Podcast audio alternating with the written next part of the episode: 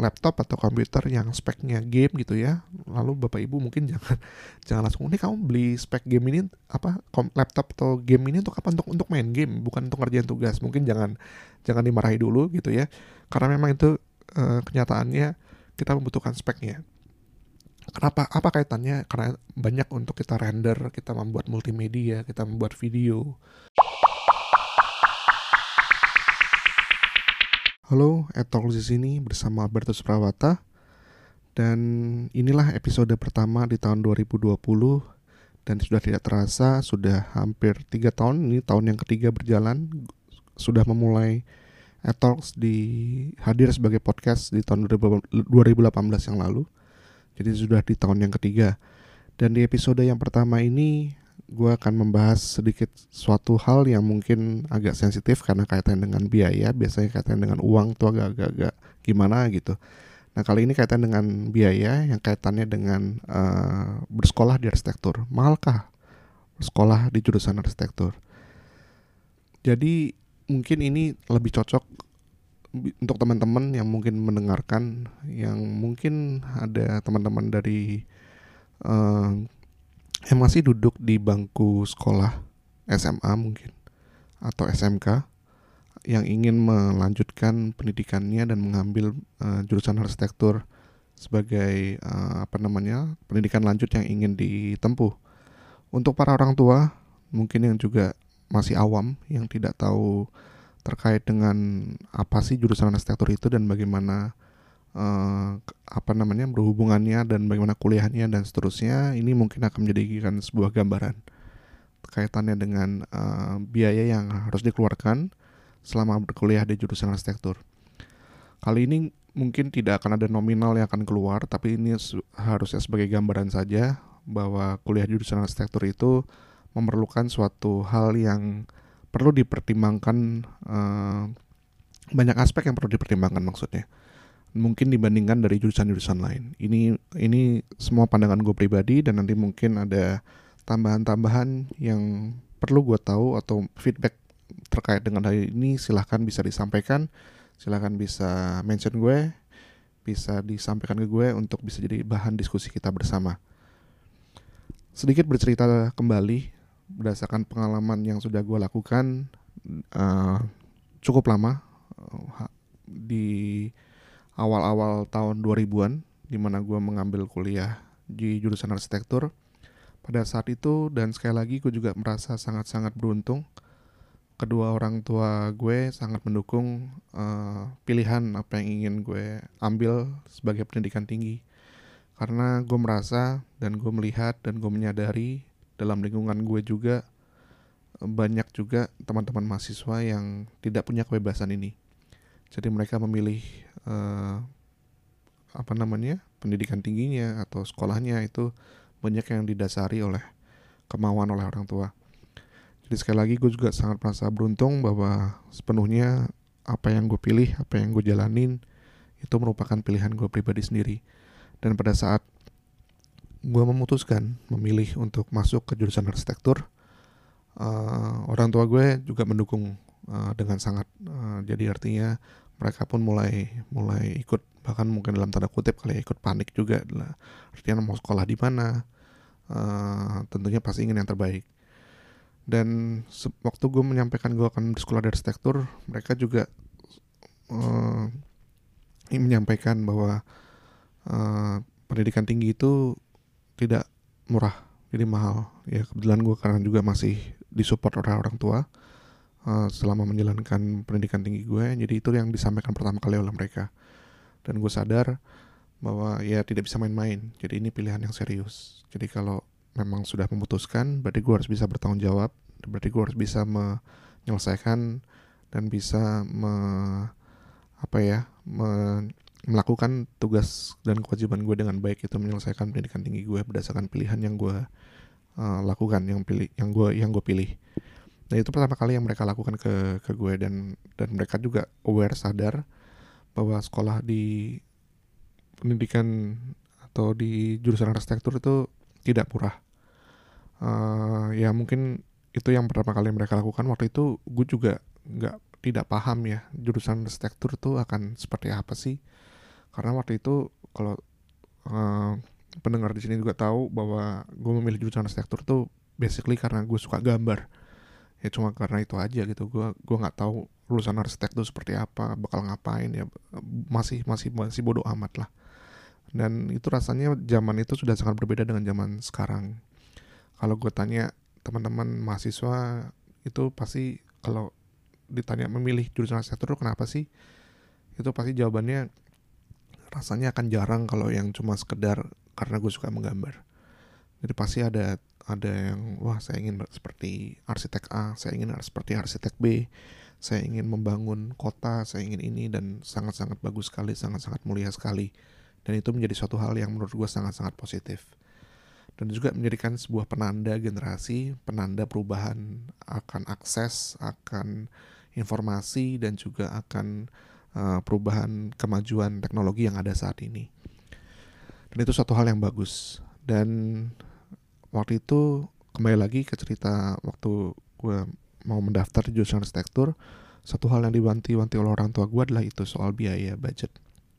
Karena uh, ya mereka mungkin langsung langsung cari tahu ya anaknya nggak mau cari tahu mereka mungkin langsung cari tahu tanya-tanya ke teman-temannya kolega mereka jurusan arsitektur tuh seperti apa sih gitu ya uh, lalu mereka dapat informasi bahwa oh, uang kuliah ya selain uang kuliah gitu ya uang semesteran nanti ada uang buku lalu setiap saat itu pasti akan menggambar.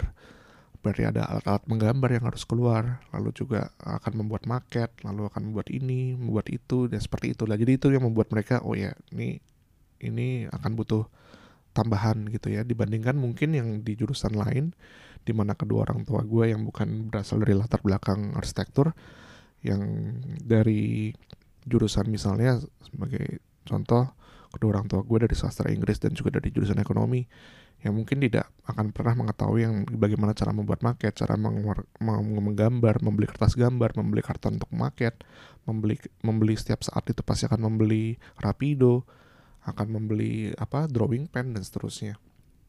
Di mana mungkin waktu gue di jurusan arsitektur bahwa setiap semester tuh pasti gue akan mengeluarkan itu semua dan itu tentunya pasti tidak murah. Perlu ada apa namanya ada budget khusus untuk terkait dengan hal itu. Dan itu disadari oleh kedua orang tua gue dan mereka menyampaikan itu ke gue. Dan ternyata memang betul. Uh, selain tentunya apabila teman-teman di sini atau calon-calon mahasiswa jurusan arsitektur yang mendengarkan kaitan dengan hal ini pasti juga ada lah. Ya sebelum masuk jurusan arsitektur tuh apa sih? Ya pasti ada uang untuk uh, apa pendaftaran mengisi formulir dan seterusnya. Lalu juga ikut tes jangan-jangan bahkan sebelum sebelum ikut tes itu ikut les gitu ya seperti yang gue lakukan dulu. Gue gue les gue membayar uh, lesnya. Jadi cukup dari awal aja menurut menurut menurut gue udah sudah hmm, mengeluarkan biaya yang lumayan. Setelah itu setelah diterima tentunya ada uang dulu ada uang pembangunan atau apa mungkin masih ada nggak ya sekarang seperti uang seperti itulah gitu ya masuk lalu ada uang sumbangan dulu gue masih ingat mau nyumbang berapa itu juga ada. Bahkan kalau dengar cerita-cerita dari teman-teman sebenarnya uang sumbangan tuh ya ya apa namanya ya bisa me, apa namanya ada yang cerita bahwa uang sumbangan kalau uang sumbangannya semakin besar tentunya chance untuk diterimanya semakin tinggi. Tapi itu tuh tidak terbukti juga sih karena banyak yang gue tahu teman-teman gue yang masuk jurusan arsitektur yang seangkatan sama gue banyak yang memberikan uang sumbangannya hanya nol gitu. Jadi mereka tidak menyumbang sama sekali. Dan mereka tuh tetap masuk diterima di jurusan arsitektur. Lalu setelah itu pasti ada uang semesteran. Ya uang semesteran yang kaitan dengan SKS um, berapa SKS dan seterusnya itu pasti ada. Nah di luar itu dan uang semesteran ini ini juga mungkin akan berbeda-beda dari setiap jurusan, dari setiap universitas.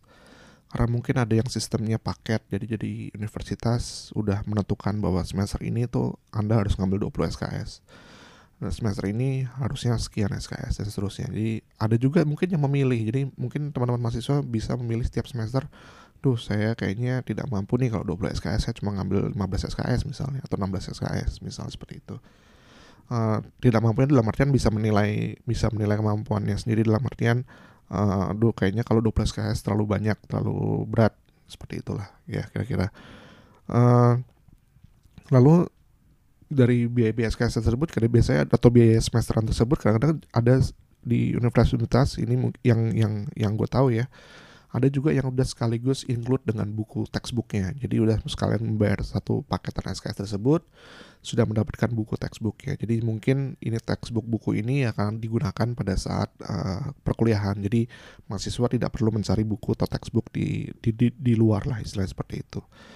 Ada juga mungkin yang sekaligus ini mungkin isu atau yang gue dapat yang gue denger yang belum ada pembuktiannya sih yang bayar bayar semesteran itu udah langsung dapat misalnya sama sekaligus uh, laptopnya gitu misalnya atau iPad atau apa. Nah itu bisa jadi seperti itu. Nah jadi memang setiap universitas setiap jurusan uh, di arsitektur di universitasnya itu pasti mungkin akan beda-beda kebijakannya. Tapi itu yang sepengetahuan gue. Dan memang itu sudah pasti tidak murah dan sudah bisa dipastikan itu bahkan dulu waktu zaman gue kuliah itu setiap semester namanya uang SKS itu pasti naik. Jadi ya semakin lama kuliah ya pasti akan semakin mahal gitu aja uh, gampangnya gitu. Hitungan matematikanya. Jadi itu satu hal yang sudah pasti fix lah yang setiap semester pasti akan keluar. Nah, lalu juga di jurusan arsitektur itu perkuliahannya basicnya atau tulang punggungnya dan ini udah menjadi satu satu apa namanya ya satu suatu hal yang sudah lazim gitu ya dan dan ada rasanya ada di setiap jurusan yaitu adalah di mata kuliah perancangan arsitektur menjadi core-nya. Mata kuliah perancangan arsitektur ini menjadi uh, apa namanya istilah tulang punggung dari perkuliahan di jurusan arsitektur. Setiap semester ada bahkan sampai nanti di te, di istilahnya di akhir semester uh, saya nyebutnya tugas akhir arsitektur di TGA itu menjadi menjadi tahapan akhir sebelum mahasiswa ini lulus. Jadi studio sepanjang semester gitu. Mungkin ada di beberapa, beberapa di beberapa universitas ada yang cuma studionya sampai semester 7 lalu di semester 8-nya ke skripsi. Tapi basically sem sepanjang kuliah itu pasti kita akan melakukan di studio perancangan arsitektur. Nah di studio perancangan arsitektur ini itu apa sih? Studio perancangan arsitektur ini adalah benar-benar suatu sebuah simulasi yang apa namanya menggambarkan kegiatan perancangan uh, pada sebuah konsultan arsitek.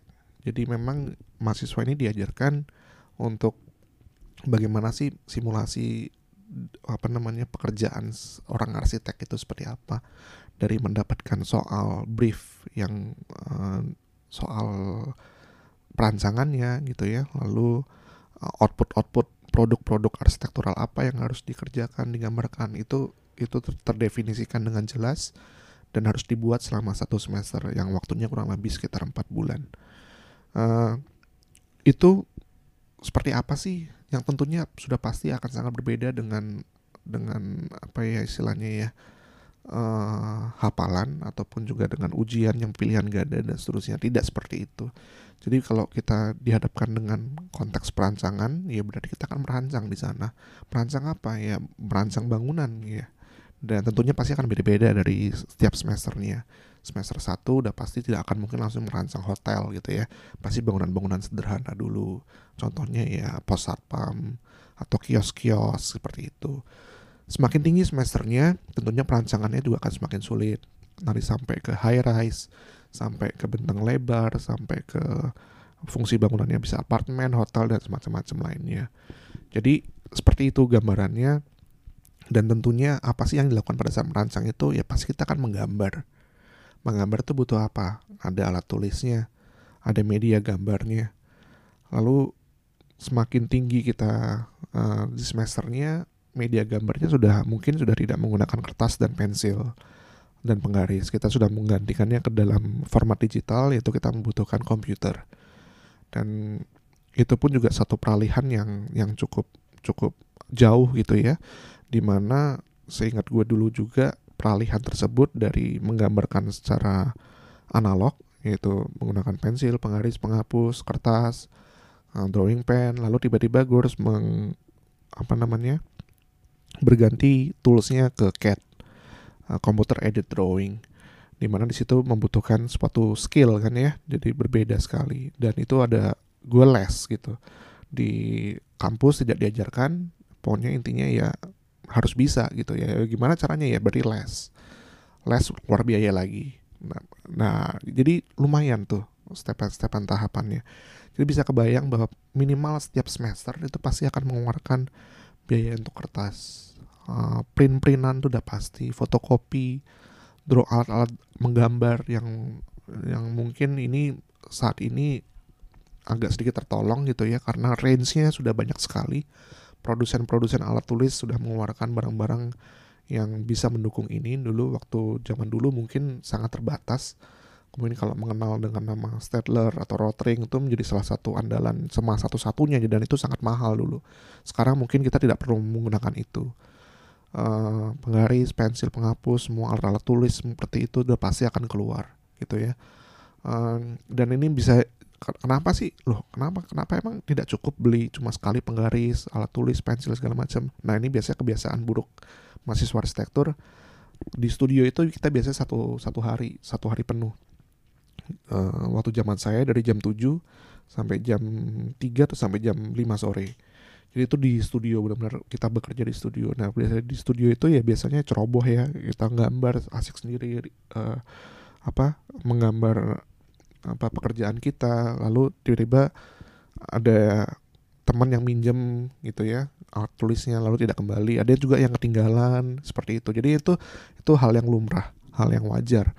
Lalu pada saat apa namanya mengerjakan tiba-tiba jatuh patah seperti itu nah itu itu ya itu uh, error-error yang terjadi sehingga kenapa biasanya tingkat pergantian alat tulis itu sangat-sangat uh, apa namanya istilahnya sangat cepat gitu ya. Kenapa kita nggak beli sekali untuk satu semester? Nah, kalau bisa gitu ya juga enak gitu.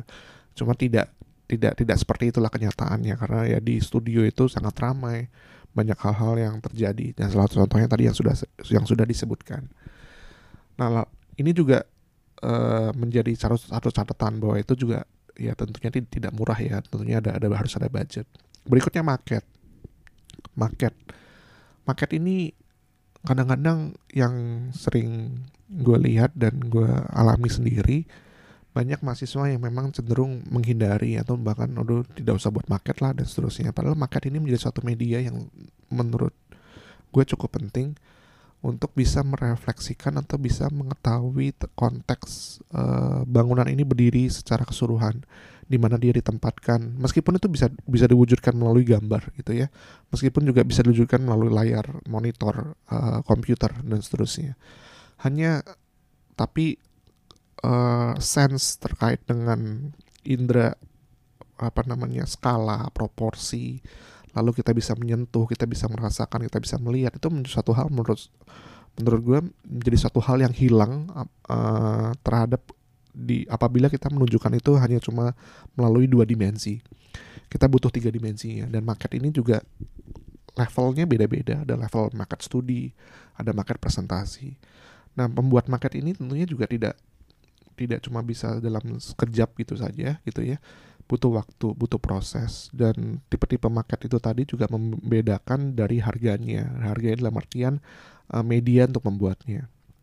Dan ini perlu disadari oleh teman-teman mahasiswa ataupun juga teman-teman ma yang ingin masuk ke jurusan arsitektur atau mungkin dalam konteks ini adalah orang tuanya nih. Uh, kenapa sih nggak pakai kertas A4 aja atau apa segala macam? Nah itu dia kita ingin menunjukkan bahwa secara garis besar bangunan ini atau uh, desain yang kita buat tentunya ingin menampilkan suatu hal yang menarik ingin kita jual Nah, market-market itu pun juga dalam proses dalam proses perancangannya tidak langsung kita buat market langsung jadi langsung bagus. Kita mulai dari market studi. Market studi ini bahkan kita bisa buat sampai puluhan atau mungkin kalau ratusan lebay ya. Jadi kita bisa buat sampai 5 sampai 10 jenis studi market, gubahan masa, bentuk dan seterusnya. Tentunya kita butuh apa ya? Butuh pasti butuh karton, butuh lem, butuh cutter, butuh penggaris, butuh alat potong dan seterusnya dan seterusnya. Dan itu terus berlangsung selama uh, satu semester sampai kita membuat market yang presentasi, market jadi, yang bukan market studi lagi. Market presentasi bahkan kalau di studio tugas akhir itu banyak teman-teman mahasiswa yang meng meminta bantuan jasa pembuat market untuk membuatkan marketnya yang kalau mm, dibiayai apa dihargai marketnya bisa sampai uh, jutaan gitu ya uh, bahkan bisa sampai kalau tergantung ukuran juga kalau teman-teman yang membuatnya sampai ukurannya selebar meja gitu misalnya ya bisa sampai puluhan. Jadi jangan-jangan harganya. Jadi memang emang memang sangat mahal gitu. Dan kenapa sih itu dibutuhkan? Ya itu tadi kita membutuhkan sebagai representasi sebuah rancangan yang komprehensif. Jadi ada sebuah gambar ada sebuah bentukan uh, animasi mungkin melalui video itu bisa tampilkan dan juga ada bentuk tiga dimensinya. Jadi semua komprehensif. Kita bisa melihat secara terukur secara nyata secara real apa yang dihadirkan dalam konteks perancangan ini tidak cuma setengah-setengah. Dan jujur saja hal inilah yang mungkin membuat budget semesteran juga pasti akan berbeda dibandingkan dengan jurusan-jurusan arsitektur lainnya. Uh, lalu mungkin budget-budget yang tidak terduga gitu ya membuat membuat project perancangan ini tentunya butuh butuh suatu effort yang nggak bisa mungkin dikerjakan dalam waktu satu atau dua jam. Berbeda dengan mata kuliah mata kuliah lain atau jurusan-jurusan lain yang mungkin mengerjakan tugasnya ya udahlah kita uh, diskusi menghafal lalu bisa menyelesaikan gitu. Nah sedangkan kalau di jurusan arsitektur itu ya proses panjang gitu ya. Kita bisa tidak tidur. Kalau kita nggak tidur kita gimana? Kita butuh makan. Oh, zaman gue dulu agak sengsara kalau mau makan harus jalan, harus pergi, harus meninggalkan ruang kerja, harus meninggalkan meja. Sekarang ada GoFood, itu udah menurut gue udah enak banget deh sekarang kalau mahasiswa mahasiswa jurusan arsitektur ini. Ada apa namanya suplemen tambahan nih selain itu semua gitu ya untuk membuat kita badan kita fit. Jadi itu. Uh, nah mungkin juga yang agak terasa yang cukup signifikan dari kaitannya dengan biaya atau budget yang seperti yang sudah disampaikan sempat gue mention di awal adalah kaitannya dengan tools alat yang perpindahan dari analog ke digital. Itu kita bisa menggunakan komputer. Nah memang di jurusan-jurusan arsitektur yang ada gue paham gue tahu kemungkinan besar punya lab uh, komputer untuk jurusan arsitekturnya. Tapi perlu diketahui pengadaan lab itu tentunya tidak bisa uh, setiap tahun di-upgrade atau di-update softwarenya, kecanggihannya, kecepatan komputernya dan seterusnya. Sehingga biasanya lab-lab komputer di jurusan arsitektur itu uh, standar lah. Intinya tidak bisa mampu untuk yang mungkin high end production uh, apa namanya works gitu ya. Sehingga memang kalau mungkin kita nyebutnya lemot lah seperti itu. Nah, kita tidak, tentunya tidak bisa mengharapkan terkait dengan uh, lab-lab yang ada di, di di kampus atau di komputernya. Itu menurut saya kenyataannya realitinya seperti itu. Dan banyak juga kampus-kampus atau jurusan-jurusan yang mungkin penggunaan labnya hanya bisa digunakan pada saat-saat tertentu saja tidak bisa pada saat uh, jam 2 pagi gitu ya ya tidak tidak akan mungkin gitu karena tutup seperti itu. Sehingga kita membutuhkan yang lebih fleksibel portable yaitu pasti biasanya mahasiswa laptop gitu ya atau pakai PC bisa di yang yang yang di rumah. Nah kenapa ini menjadi suatu concern? Uh, eh, PC laptopnya pun juga pasti harus harus high end dalam artian dia harus harus harus tinggi speknya dia harus bisa mendukung kinerja dari teman-teman mahasiswa. Jadi, no kamu kalau butuh laptop ya kenapa nggak beli yang itu dah yang kecil aja yang 3-4 jutaan, toh juga cuma ketik-ketik aja kan. Nah ini mungkin juga suatu pemahaman untuk uh, teman-teman calon mahasiswa arsitektur yang perlu diberitahukan kepada uh, orang tuanya gitu ya kalau orang tua kamu mungkin menyampaikan hal seperti itu orang punya papa punya mama aja bisa nih pakai ini ini seperti itu. Dan ini perlu diketahui juga pada para uh, orang tua. Uh, penggambaran ataupun uh, media yang kita gunakan di laptop tools yang kita gunakan di laptop ini softwarenya tentunya berat-berat. Dan biasanya tools alat penggambaran itu sulit. Apa? Kalau kita tidak memiliki spek komputer yang tinggi Uh, jadi kenapa makanya diperlukan spek komputer yang tinggi dan itu biasanya cenderung mahal. Biasanya komputer-komputer atau laptop yang kita gunakan itu speknya mirip seperti spek game gitu ya, spek game komputer. Jadi kalau bapak ibu atau para calon orang tua uh, anaknya meminta uh, laptop atau komputer yang speknya game gitu ya. Lalu bapak ibu mungkin jangan jangan langsung ini kamu beli spek game ini apa laptop atau game ini untuk apa? Untuk untuk main game bukan untuk ngerjain tugas. Mungkin jangan jangan dimarahi dulu gitu ya. Karena memang itu uh, kenyataannya kita membutuhkan speknya. Kenapa apa kaitannya? Karena banyak untuk kita render kita membuat multimedia kita membuat video yang tentunya membutuhkan kualitas-kualitas uh, yang baik sehingga uh, laptopnya pun juga harus bisa mensupport itu. Jadi itulah kenapa biasanya budget untuk uh, digital tools ini sangat-sangat mahal sekali. Atau bisa menjadi suatu beban yang mungkin kadang-kadang kaget gitu ya. Dan itu harus menurut menurut saya harus harus harus dipersiapkan lah gitu ya. Tidak cuma sekedar langsung ya udah main asal-asal beli laptop yang cuma bisa buka Word gitu ya. Ya tidak ya tidak seperti itu juga gitu jadi ini suatu suatu hal yang memang harus dipersiapkan. Nah lalu setelah itu semua tentunya pasti para orang tua atau teman-teman calon mahasiswa arsitektur melihat bahwa wah lumayan nih budgetnya. Lumayan uh, uang yang harus dikeluarkan atau uang yang harus dipersiapkan untuk masuk ke jurusan arsitektur. Betul. Ini suatu hal yang banyak teman eh, teman-teman mahasiswa yang mungkin tidak sadari dan saya ingin memberikan pesan ini kepada teman-teman mahasiswa ataupun bahkan yang calon mahasiswa. Semoga yang banyak yang mendengarkan yang calon mahasiswa. Bahwa tolong dipersiapkan kaitannya dengan uh, pembiayaan ini. Karena uh, inilah prosesnya. Dan kita tidak dalam suatu proses tentunya kita bukan meminta proses yang instan.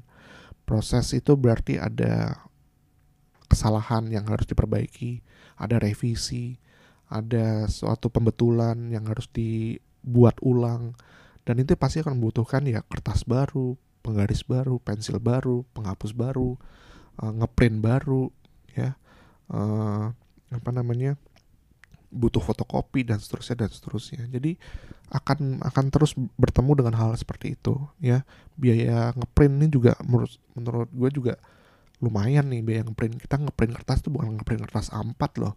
Kita ngeprint kertas tuh minimal di A3. Kebayang kalau kita ngeprint di A3 seberapa lembar? Satu gam satu project gambar tuh jangan-jangan puluhan gitu ya. Dan kalau biasanya di kalau udah proyeknya besar nggak mungkin kita ngeprintnya di A3 ngeprintnya minimal di A2 atau bahkan sampai A1 atau bahkan sampai A0 belum lagi kalau berwarna. Berwarna berapa kalau kita ngeprint berwarna di A2 dan ngeprint ini apakah cuma sekali? Ya tentu saja tidak gitu. Karena tadi ada proses tadi gitu ya yang mungkin butuh revisi butuh butuh penambahan butuh digambar ulang dan seterusnya. Jadi memang ini menjadi suatu apa ya suatu hal knowledge yang menurut gue harus kita pahami semua tahu dan semoga teman-teman calon mahasiswa bisa menyadari hal ini dan bisa mempersiapkan hal ini. Sehingga prosesnya nanti dalam perkuliahan dapat berjalan dengan baik. Lalu sudah tahu nih semuanya mahal dan dan memang butuh effort lebih dari dari pembiayaan. Lulus gimana nih? Udah pasti jadi sarjana atau jadi arsitek gitu kan? Ya pasti wah di arsitek bisa bangun rumah ini bisa bangun bangunan ini bisa bangunan ini dan seterusnya. Nah ini yang ingin saya stop dulu di sini stop. Ya, uh, lulus sebagai uh, sarjana arsitektur itu teman-teman itu belum menjadi seorang arsitek. Gelar teman-teman itu baru sarjana arsitektur atau sarjana teknik. Nah untuk bisa mendapatkan license sebagai arsitek itu tentunya butuh proses lagi. Wah langsung nih ya mungkin setelah mendengar ini langsung waduh kok begini gitu ya? Dan memang ya memang itulah kenyataannya. Itulah yang yang terjadi saat ini. Kita sudah punya undang-undang arsitektur saat ini dan gue juga sudah sempat membahas terkait dengan pendidikan profesi arsitektur bersama dengan Mas Guru Dirgantoro uh, ketua bidang pendidikan arsitektur DKI Jakarta terkait dengan PPARS ini. Anda bisa mencek di podcast gue sebelumnya terkait dengan pendidikan profesi arsitek. Nah ini uh, suatu, jadi satu tambahan aja. Berarti memang setelah lulus itu ya kalau kerja gimana? Apa langsung dapat duit banyak untuk menggantikan semua pengeluaran yang dikeluarkan pada saat kuliah? Stop. Itu mungkin gue kalau memang pemikirannya seperti itu gue gue harus menstop teman-teman gitu ya. Pemikiran itu harus ditahan dulu. Karena pada saat kita lulus kita harus kita belum belum belum belum apa namanya belum terlicense atau belum menjadi seorang arsitek jadi kita nggak bisa tuh uh, langsung udah deh ambil proyek hotel buat hotel bangun langsung dapat duit banyak enggak gitu. Kalau ya mungkin bisa-bisa aja ya tapi ya kalau ada resiko yang ada sesuatu hal ada ada yang terjadi kendala mungkin itu nanti teman-teman yang bisa kena resikonya dan ujung-ujungnya bisa bisa penjara ya itunya apa namanya hukumannya karena kita udah punya undang-undang. Jadi gimana ya setelah itu selalu jadi sarjana arsitektur kalau mau jadi arsitek gimana? Ada peraturannya lagi ada step-stepan tahapannya lagi. Dan mungkin gue gak akan bahas di sini. Silahkan bisa cek lagi di podcast gue terkait dengan pendidikan profesi arsitek tadi yang sudah gue sampaikan sebelumnya. Jadi itulah kaitannya dengan uh, biaya pendidikan di jurusan arsitektur yang memang harus dipersiapkan yang memang harus di uh, antisipasi bagi teman-teman uh, mungkin yang ingin masuk ke jurusan arsitektur. Aku untuk bapak ibu yang apa namanya yang ingin menyolahkan putra putrinya di jurusan arsitektur mungkin ini bisa menjadi suatu gambaran sebagai informasi awal dan mungkin juga untuk teman-teman yang sudah masuk di jurusan arsitektur ini bisa diberikan informasi ini juga ke orang tua apabila memang kalau ada yang menanyakan kenapa mahal, kenapa harus begini, kenapa harus begitu. Semoga informasi ini bisa memberikan atau bisa me, apa ya istilahnya memberikan suatu gambaran secara lebih luas sehingga proses uh, teman-teman uh, dalam menjalankan pendidikan pendidikan di jurusan arsitektur dapat berjalan dengan baik, dapat berjalan dengan lancar dan dapat bisa mempersiapkan teman-teman menjadi seorang arsitek. Sekali lagi belum menjadi arsitek ya, mempersiapkan dulu sebagai seorang arsitek, itu sebagai sarjana arsitektur. Rasanya itu aja dari gue terkait dengan episode pertama di tahun 2020 ini. Terima kasih dan sampai jumpa lagi di kesempatan berikutnya.